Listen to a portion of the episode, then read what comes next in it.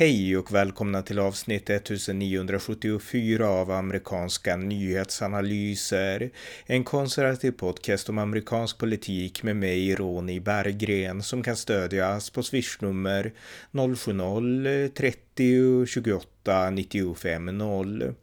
Här följer en uppdatering om det senaste i USA tillsammans med min svensk-amerikanske kollega Björn Nordström. Varmt välkomna!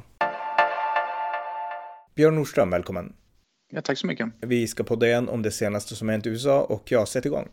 Ja, jag såg att Ilan Omar har gått bananas över nu att uh, Joe Biden nu har valt sida och stödjer Israel. Så hon hade en presskonferens igår utanför uh, kongressen där hon började gapa och skrika och, och, och, verkligen ta avstånd från Joe Biden och Demokratiska partiet. Så vi vet redan vart hon står, men att nu är hon helt öppen med att hon är antisemit och hon, är liksom emot det, hon går emot det Demokratiska partiet med nu. Så man får hoppas att väljarna i Minnesota gör ett bättre val nästa gång. Men problemet är att hon ju var framvald genom klanröster som, tror, som tycker precis som henne. Så, I den här muslimska diasporan där uppe. Så, mm.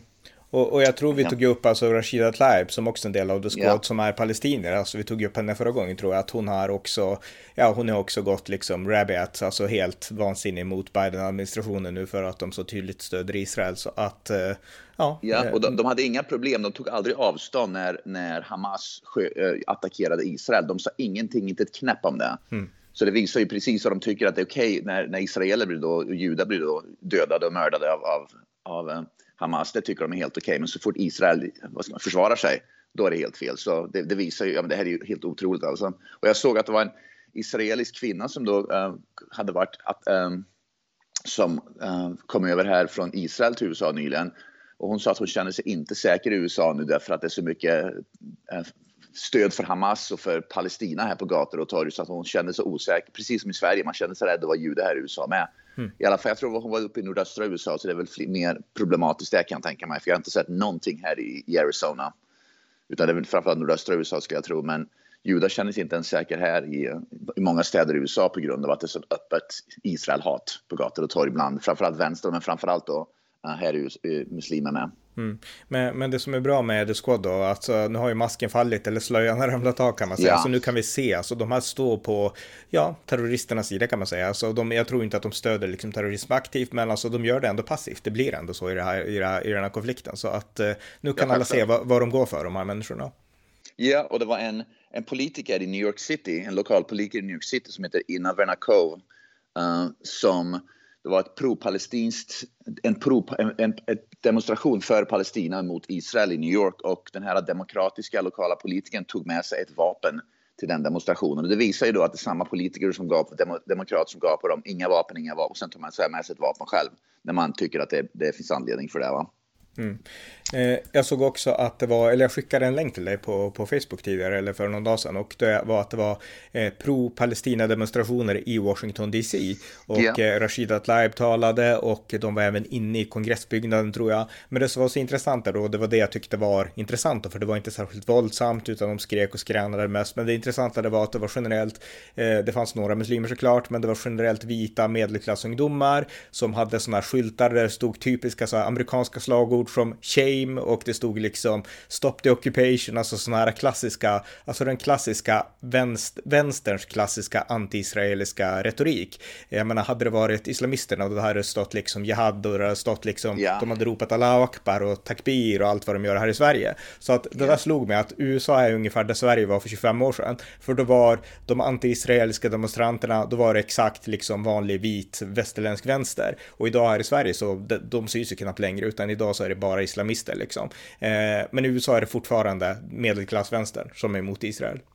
Ja, precis. Det är det som är intressant här i USA. Att, att det är just medelklassen, ungdomar som, de, de ungdomarna som vi pratar om, unga människorna, har växt upp i medelklass och har haft en bra uppväxt och ändå så har de blivit vänster. Va? De, de är vänster tror jag för att det är lite coolt att vara vänster. Det är som är i Sverige då förr i tiden med att man växer upp i medelklassområden och så blir man vänster för det känns coolt att vara vänster. Man liksom, det, det finns någon slags, någon slags, vad ska man säga, Rebelliskhet eller tonårs... Rebell, precis, mm. precis. Och sen så några år senare så slutar de att bli vänster. Va? Så det är de som går omkring. Så det, det, det, är precis som du säger, det är inte samma våldsamheter och grejer överhuvudtaget som sker, utan de är ju rädda då för att, och sen polisen här får agera mycket hårdare om det om, om saker och ting går snett än, än vad det är i Sverige. Va? Så man är väl kanske mer skraj för att det ska ske någonting. Men vänstern här, det är ju precis, det är ju, det är ju liksom bara vanliga medelklassungdomar som står och gapar och skriker och sen egentligen så, så går de på sina iPhones sen och så går de och lever i ett, lyx, i ett halvlyxigt liv hemma sen för de har ju det bra ställt egentligen. Så att det är mer, de vill inte leva vänster utan de vill bara vara vänster lite grann. Mm, ja, exakt. Men en annan intressant sak här då, det är att här i, till och med i Sverige, men alltså börjar ju vänstern inse att oj, vi har med islamister att göra. Jag menar även Vänsterpartiet och de här som har avskytt Israel och betraktat Israel som imperialism, de kan ju inte backa upp Hamas. Alltså det går ju inte, ingen kan göra det liksom mer än islamisterna själva. Men jag tror att i USA så förstår man inte riktigt, alltså man förstår inte liksom de här islamistiska bitarna därför att det är liksom långt borta och det är abstrakt och det går att i teorin bortförklara eller förklara med att det beror på Israels förtryck. Medan här i Sverige, vi har det på våra egna gator. Så jag menar, jag tror att ja. i USA så lever man mer distanserat, tänker jag. Ja, det tror jag man också gör. Eftersom det finns, andelen muslimer här i USA är så mycket färre än i Sverige. Va? Så att man ser ju inte de här islamisterna på gatorna som ränner omkring precis som man ser i Sverige. Va? Så att de får inte se på riktigt vad islamister verkligen ser ut och hur de ser ut. Och nu när terroristdådet skedde mot två stycken svenskar i Belgien så ser man, det är liksom en direkt konsekvens av att svenskar, svenskar är nu måltavlor för islamister i princip. Va? Och det liksom syns inte här på gator och torg på samma sätt i USA för att det, är liksom, det finns inte lika många. Bra att du nämnde det. Alltså det var ju på den här fotbollsmatchen då i Belgien där det var en yeah. islamist som hade bott i Sverige till och med som sköt svenskar yeah. för att de var svenskar. Och det har yeah. diskuterats där i Sverige såklart, men jag tycker ändå nyheterna med att vi svenskar är måltavlor, det har inte blivit liksom, det har inte blivit den här enorma nyheten, utan ja, det har absolut rapporterats om det, men inte liksom att nu ska vi verkligen, det här måste få ett slut. Det har liksom inte varit den reaktionen. Och jag tänker mig att om någon hade skjutit två amerikaner som var på en fotbollsmatch i, inte vet jag, i, liksom, ja, men, i Kanada, då hade ju verkligen alla skrivit om det, amerikaner och måltavlor, tänker jag. Ja, ja man, men det beror ju också på, man ser, man ser ju, jag läser ju svensk media hur de rapporterar kring Israel och, och den här konflikten nu och man ser ju att svensk media är ju väldigt mycket för Hamas, eh, inte för, förlåt, Hamas för Gaza och liksom och sen börjar man ifrågasätta Israel och tycker att nu är det dags, nu måste det sluta. Va? Så man ser ju varför, man förstår ju varför svensk media inte rapporterar om sådana, liksom tar upp det här mycket mer. Mm. Ja. Och jag tror också att det finns så många, så, så, många islamister och muslimer i Sverige att journalister vågar väl inte längre rapportera saker och ting som det borde rapporteras därför att då blir de själva kanske måltavlor inom Sverige. Ja, och sen har vi inte den här instinktiva, amerikaner är så, nu är vi attackerade, vi måste liksom, det här är oacceptabelt, ja. men Sverige har inte den instinkten i sig. Ja, ja precis. Mm. Ja, vi fortsätter nog med. Ja, för, för att återkomma till George Floyd, vi pratar mycket om Black Lives Matter, George Floyd, och jag, jag kom, jag, det här visste jag faktiskt inte om, men år 2016, och det här visar hur media och, och liksom inte rapporterar när vita utsatts för våld. År 2016, vilket var då var tre år innan, fyra år innan George Floyd blev dödad, mm. då var det en kille då som hette Tony Timpa. Han dödades av polis precis på samma sätt av George Floyd, där hans nacke liksom hölls ner och han kunde inte andas så han blev kvävd till sist han dödades. Va? Och det rapporterades inte överhuvudtaget någonting. Det var när George Floyd, en svart man, råkade ut för samma sak, då rapporterar media. Som andra ord. Men den, den mannen du, mannen du nämnde var vit alltså? Han var vit, han var vit, precis. När, han, när en vit person dödas på precis samma sätt, då är det knäpptyst i media. Så allt det här handlar om vilken hudfärg offret har. Mm. Och vilken, vilket hyckleri det är bland, bland framförallt media då naturligtvis och Demokratiska partiet då som de tar upp det ena men döljer det andra helt och totalt. Därför att det var en vit, då skitsamma, det var bara han dog, han dog skitsamma, det är inte vårt problem. Men en svart, då blir det jättegrej av det. Va? Mm. Och det visar just hur USA fungerar, att allt handlar om hudfärg, vilket det grundas i då rasismen. Att vi tittar först och främst på hudfärg på offret och vad som sker och sen tar vi ställning till hur vi ska agera eller hur vi ska skriva om det eller om vi ska protestera på gator. Det var inga protester eller någonting kring, kring Tony Timpas död, utan det gick, som jag sa, jag själv visste inte om det. Jag råkade bara se någonting en, en, en Youtube-video när någon som snackade om det här för några, några dagar sedan och det var då jag fick reda på att det här hade skett. Annars hade jag ingen aning om det. Mm, ja. ja, där ser man inte så oväntat, men ja, något mer?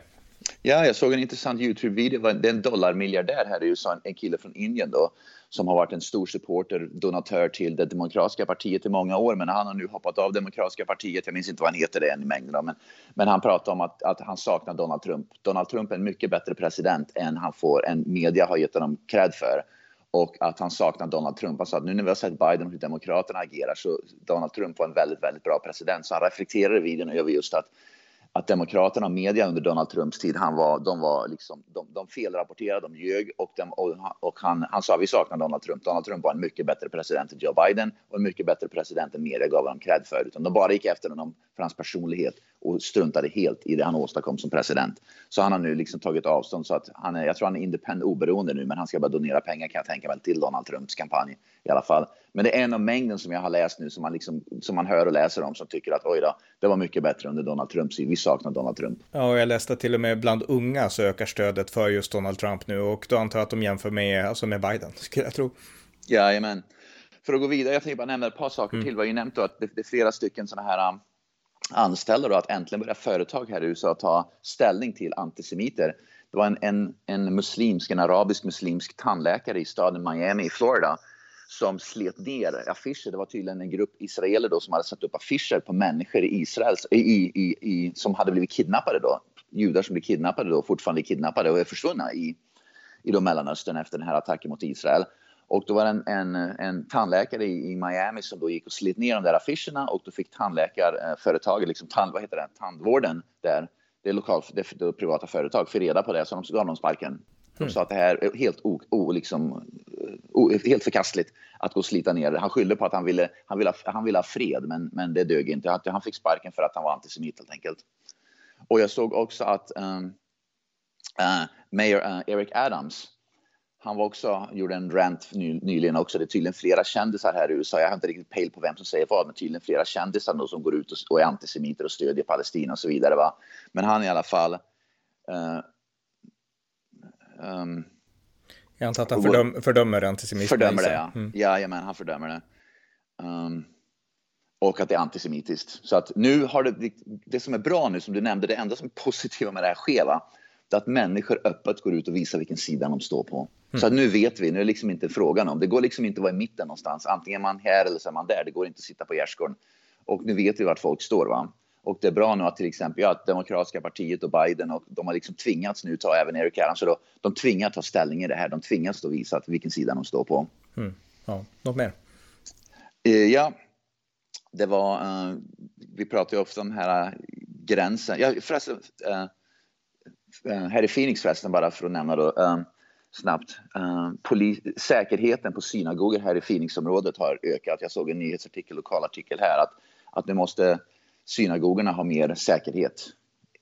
Ja, hur länge det vet jag inte, men att de måste mera, de har liksom mer säkerhetsskydd nu kring synagogorna. Och det, det är en direkt konsekvens av det här. Det är för jävligt alltså. Mm, ja.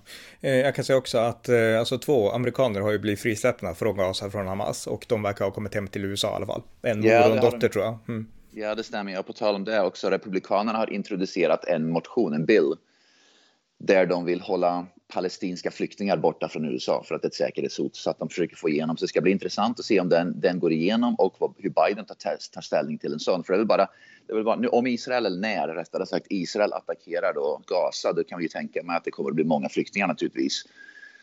Eh, som kommer att förmodligen behöva fly och många kommer att sticka, försöka ta sig till Sverige och västvärlden naturligtvis. Så frågan är, kommer Biden att godkänna att de kommer in i USA? För sannolikheten är väl hyfsat stor att det, med en flyktingström från, från till exempel Gaza då, så kommer det förmodligen också massa islamister och terrorister kan jag tänka mig. Mm. Det är inte helt orimligt alltså. Nej, och framförallt så blir våra länder mer anti-israeliska och anti-judiska. Ja, ja, så jag menar, de får precis. hålla sig utanför Europa och utanför USA. De kan åka till arabvärlden, tänker jag. Ja, jag menar på tal om gränsen mot Mexiko. Det var Venez, vad heter det, illegala immigranter från Venezuela som, som, har, som började attackera, fysiskt attackera uh, gränspolisen där och försökte ta sig in i USA genom att fysiskt attackera och, och slå, slå, ner gränspolisen. Mm. Ja, ja de är Ja. Uh, FBI's uh, chef, heter han, Christopher Wray, har nu varnat över att vi kommer förmodligen att se uh, det är precis som i Sverige, att en, en ökad risk och förmodligen fler, ökad eh, antal eh, terror, små terroristattacker som kommer att ske i USA på grund av det här konflikten mellan Israel och Gaza. Min gissning är med 100% säkerhet kan vi säga det kommer inte att vara judar som kommer att attackera och liksom begå de säkerhetshoten utan det kommer naturligtvis att riktas mot judar och väst från, från muslimen helt enkelt. Va? Så att det, återigen så ser vi att det är inte judarna som, som står för säkerhet. Så när, när Christopher Rados går ut och säger att det är ett ökat risk för terroristhot i USA va? Då är det inte judarna som man syftar till, det är de som, som står bakom hoten, utan det är naturligtvis muslimer som gör det. Mm, mm, ja. Eh, ja, något mer? Jajamän. Eh, delstaten Louisiana, det här visar väl kanske också hur USA trendar lite grann. Delstaten Louisiana har haft en demokratisk guvernör i några år, men för några dagar sedan så var det guvernörsval i USA och den nya guvernören är republikan. så, så, republikan, så uh, Louisiana nu är republikanskt igen, vilket de har varit under många år. Så det här tror jag sänder kanske en signal till vart, um, hur, hur, många väljare kommer att, kommer att välja. Så jag tror att det här visar att det är många väljare som vill ha, ha mer republikaner i, i, max, i, i politisk maktställning än demokrater nu. Mm, ja, ja eh, hade du den med? Jajamän.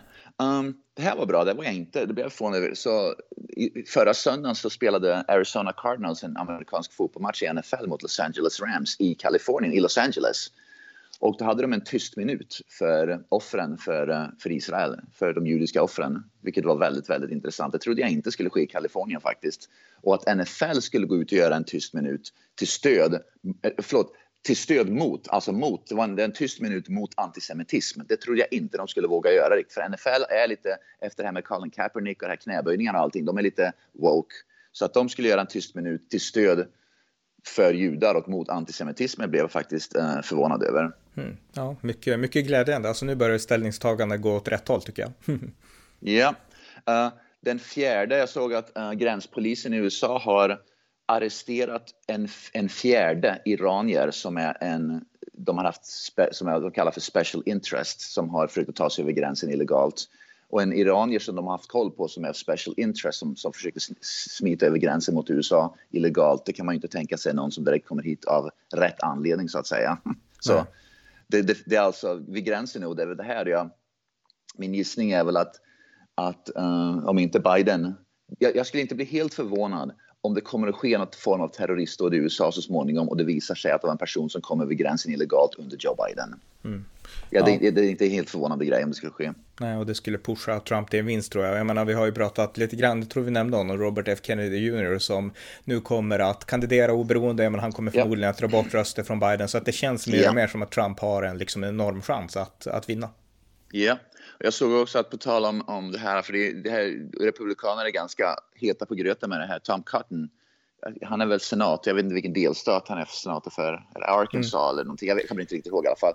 Men han i alla fall kräver att DHS, uh, eh, Department of Homeland Security, ska börja deportera uh, invandrare som är i USA som är, uh, som är antisemiter. För att det har ingenting här i landet att göra.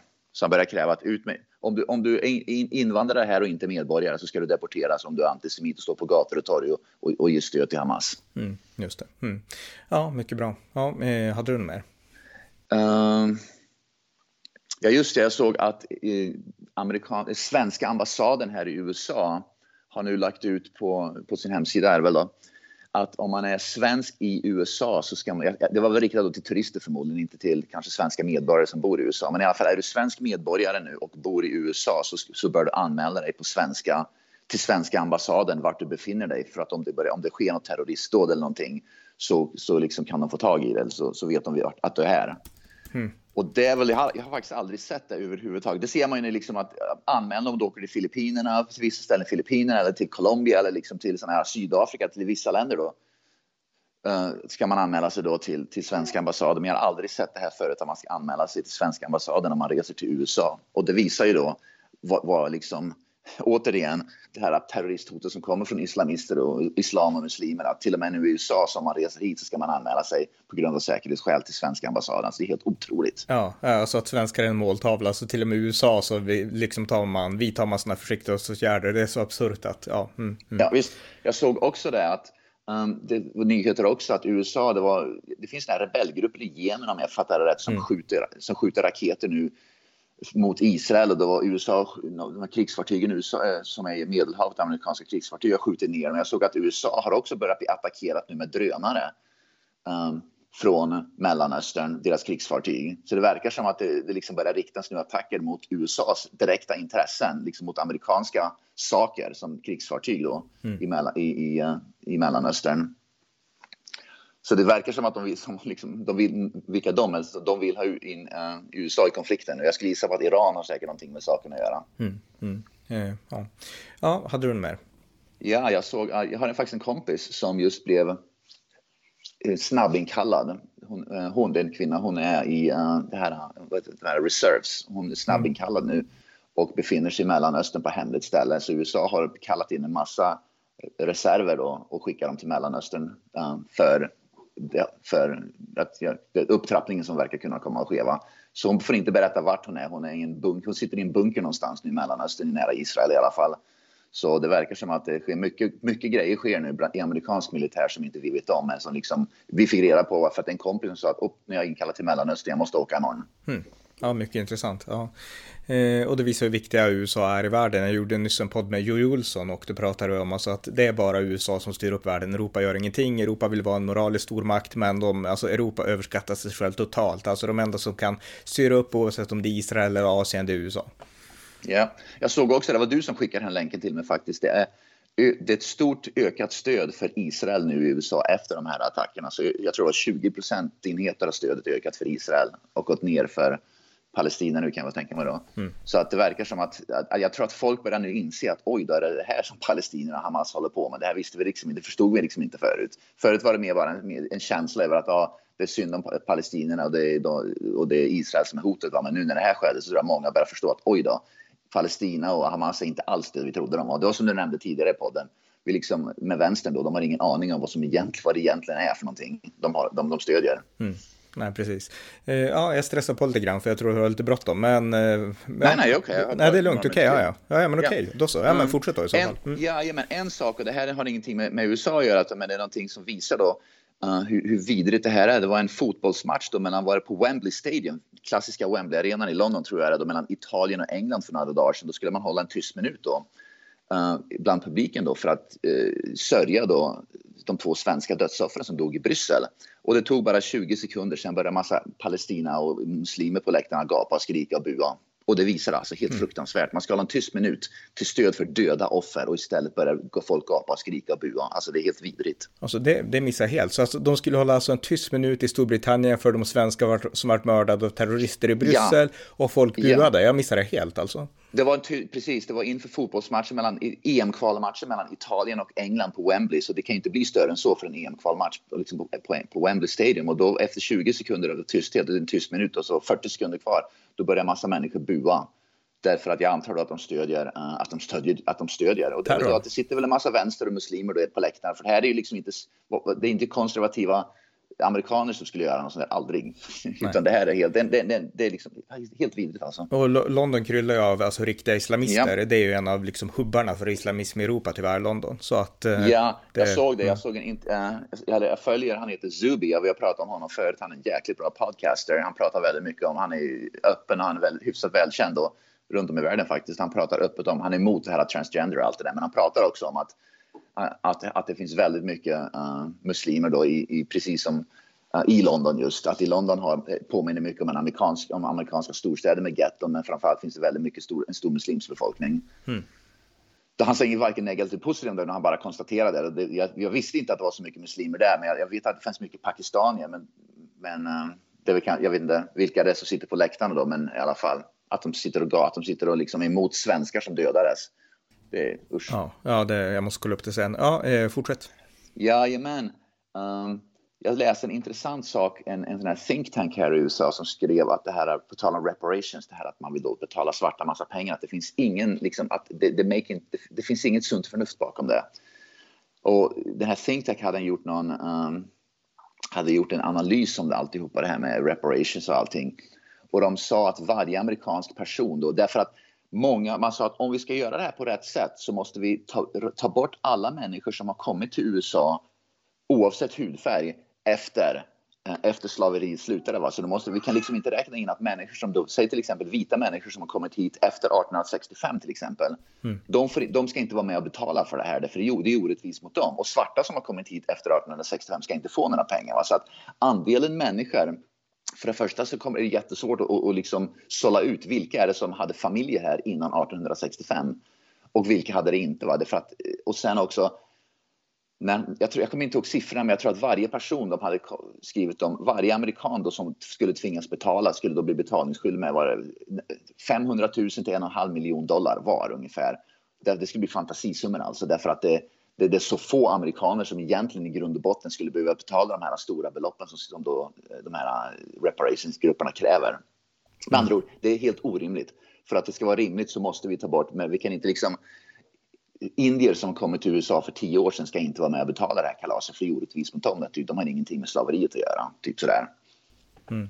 De andra, eh. det, finns, det finns väldigt lite liksom, sunt förnuft kring att, att reparation ska ske. Och det, det är omöjligt att liksom klura ut enligt den här think tank hur det här ska ske, hur ska betala, vilka ska betala och hur mycket. Och om de ändå skulle kunna klura ut allt det, då skulle, då skulle vissa människor behöva betala så mycket pengar att de inte skulle ha råd med det. Då så det spelar liksom ingen roll. Mm. Eh, det har ju varit mycket prat i representanthuset nu därför att de håller på att välja en speaker. Jag vet inte hur pass... Eh, alltså, ja, hur, mycket, den, ja. hur mycket det uppmärksammas i nyheterna. Eh, mycket. Det är så. Mm. Jajamän, Jim Jordan, han tre gånger försökte han bli speaker men han misslyckades. Jag tror att han fick färre röster den tredje omröstningen än den första omröstningen. Mm. Så att hans stöd har gått ner. Så ingen vet om vad som kommer att ske nu. Uh, det finns ingen ny kandidat, ingen vet vad som kommer att ske. Så att Speaker of the House, House-positionen är fortfarande ledig och det, de har inte kommit närmare en lösning på det. Tvärtom, det verkar som att de har kommit längre ifrån en lösning. Så att det är, det är lite halvkaos där. Och det är väl det som gör nu med att om konflikterna då ökar i Mellanöstern Uh, kongressen, om, det ska bli, om USA ska gå med i krig så måste kongressen godkänna det. Va? Men utan en speaker of the house så finns ju liksom ingen som kan ta, som, som kan ta tag i det där och få fram en sån godkännande. Va? Så det skapar förmodligen mycket kaos också. Ja. Och, av, av säkerhetsskäl. Ja, och, och, jag kan skjuta in då att eh, Demokraternas minoritet, minoritetsledare Hakeem Jeffries, det har kommit ett eh, gammalt uttalande från honom där han, ja, han uttalade sig om en, det, alltså risken som finns nu om man inte väljer en ny speaker, det är att det blir en, ett regeringsstopp, en government shutdown i slutet av året. Och eh, nu har man grävt fram att eh, Hakeem Jeffries då, han kommenterade 2018 när det var en liknande situation, att eh, då sa han så här att hela den här situationen, det har vi för att republikanerna Demokraterna. De vill få miljarder i skattepengar till en ineffektiv eh, medeltidsmur, sa han. Så att han avfärdade ja, Trumps mur genom att säga att den var ineffektiv och medeltida. Men eh, ja, idag så kan vi säga att han hade helt fel, Hakeem Jeffries. Så att jag menar, här har vi en person som verkligen inte skulle vara bra som speaker om han skulle få liksom makten. Ja, herregud. Och dessutom då, han är svart, Hakeem Jeffries. Och mm. de som, vi har pratat om det förut, den gruppen som som vad ska man säga, lider mest av den här illegala invandringen på grund av att det inte finns någon gränssäker eller mur. Det är faktiskt svarta, hans egen vad ska man säga, etnicitet lider mest därför att illegala immigranter kommer att ta många enkla jobb och många svarta har tyvärr enkla jobb därför att uh, det, man behöver inte speciellt mycket utbildning för det. Så att han, han går emot sin egen etnis, etniska grupp. Ja, ja. Eh, ja, något mer? Jajamän. Um, jag såg att um, uh, NHL Uh, Eh, Patrick Lane, det finns en spelare som heter Patrick Lane, Liney Lane eller någonting i alla fall. Vi pratar mycket om att mäns hälsa, liksom att allt, kvinnor, kvinnor och trans, alla, men man ignorerar här i USA män helt och hållet. Att män liksom skiter man ju i, då, mer eller mindre.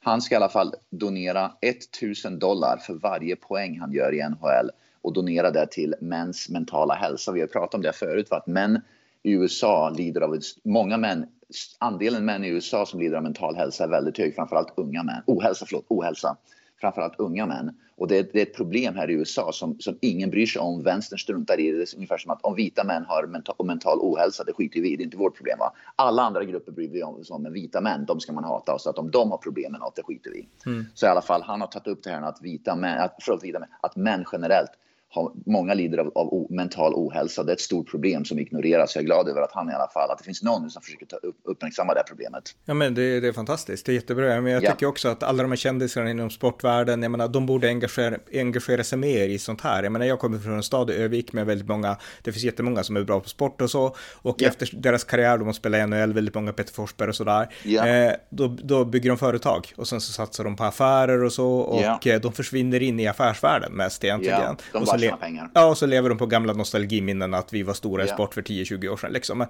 de borde använda sina plattformar och sina, liksom, alltså sin förmåga, sin talang och liksom sin status och så till just sådana saker tycker jag i mycket större ja. utsträckning än vad som görs. Ja, något som är bra här i USA faktiskt är att sportstjärnor här i USA, de, de har alltid vad de kallar för charities, de startar charities, ideella föreningar för att ge stöd till någon, någon typ av grupp då som, är, som har problem. Det är någonting som är väldigt, väldigt bra i USA bland sportstjärnor. Varenda idrottsstjärna här i USA, varenda en kan lova det med 100 sannolik säkerhet, så har en, en så kallad charity där, där, där de, liksom, de är ute och donerar pengar, de hjälper till att samla in pengar och det kan gå till allt ifrån fattiga barn som ska kunna få spela sport till, till eh, människor som har till cancer, till liksom allt mellan mm. himmel och jord.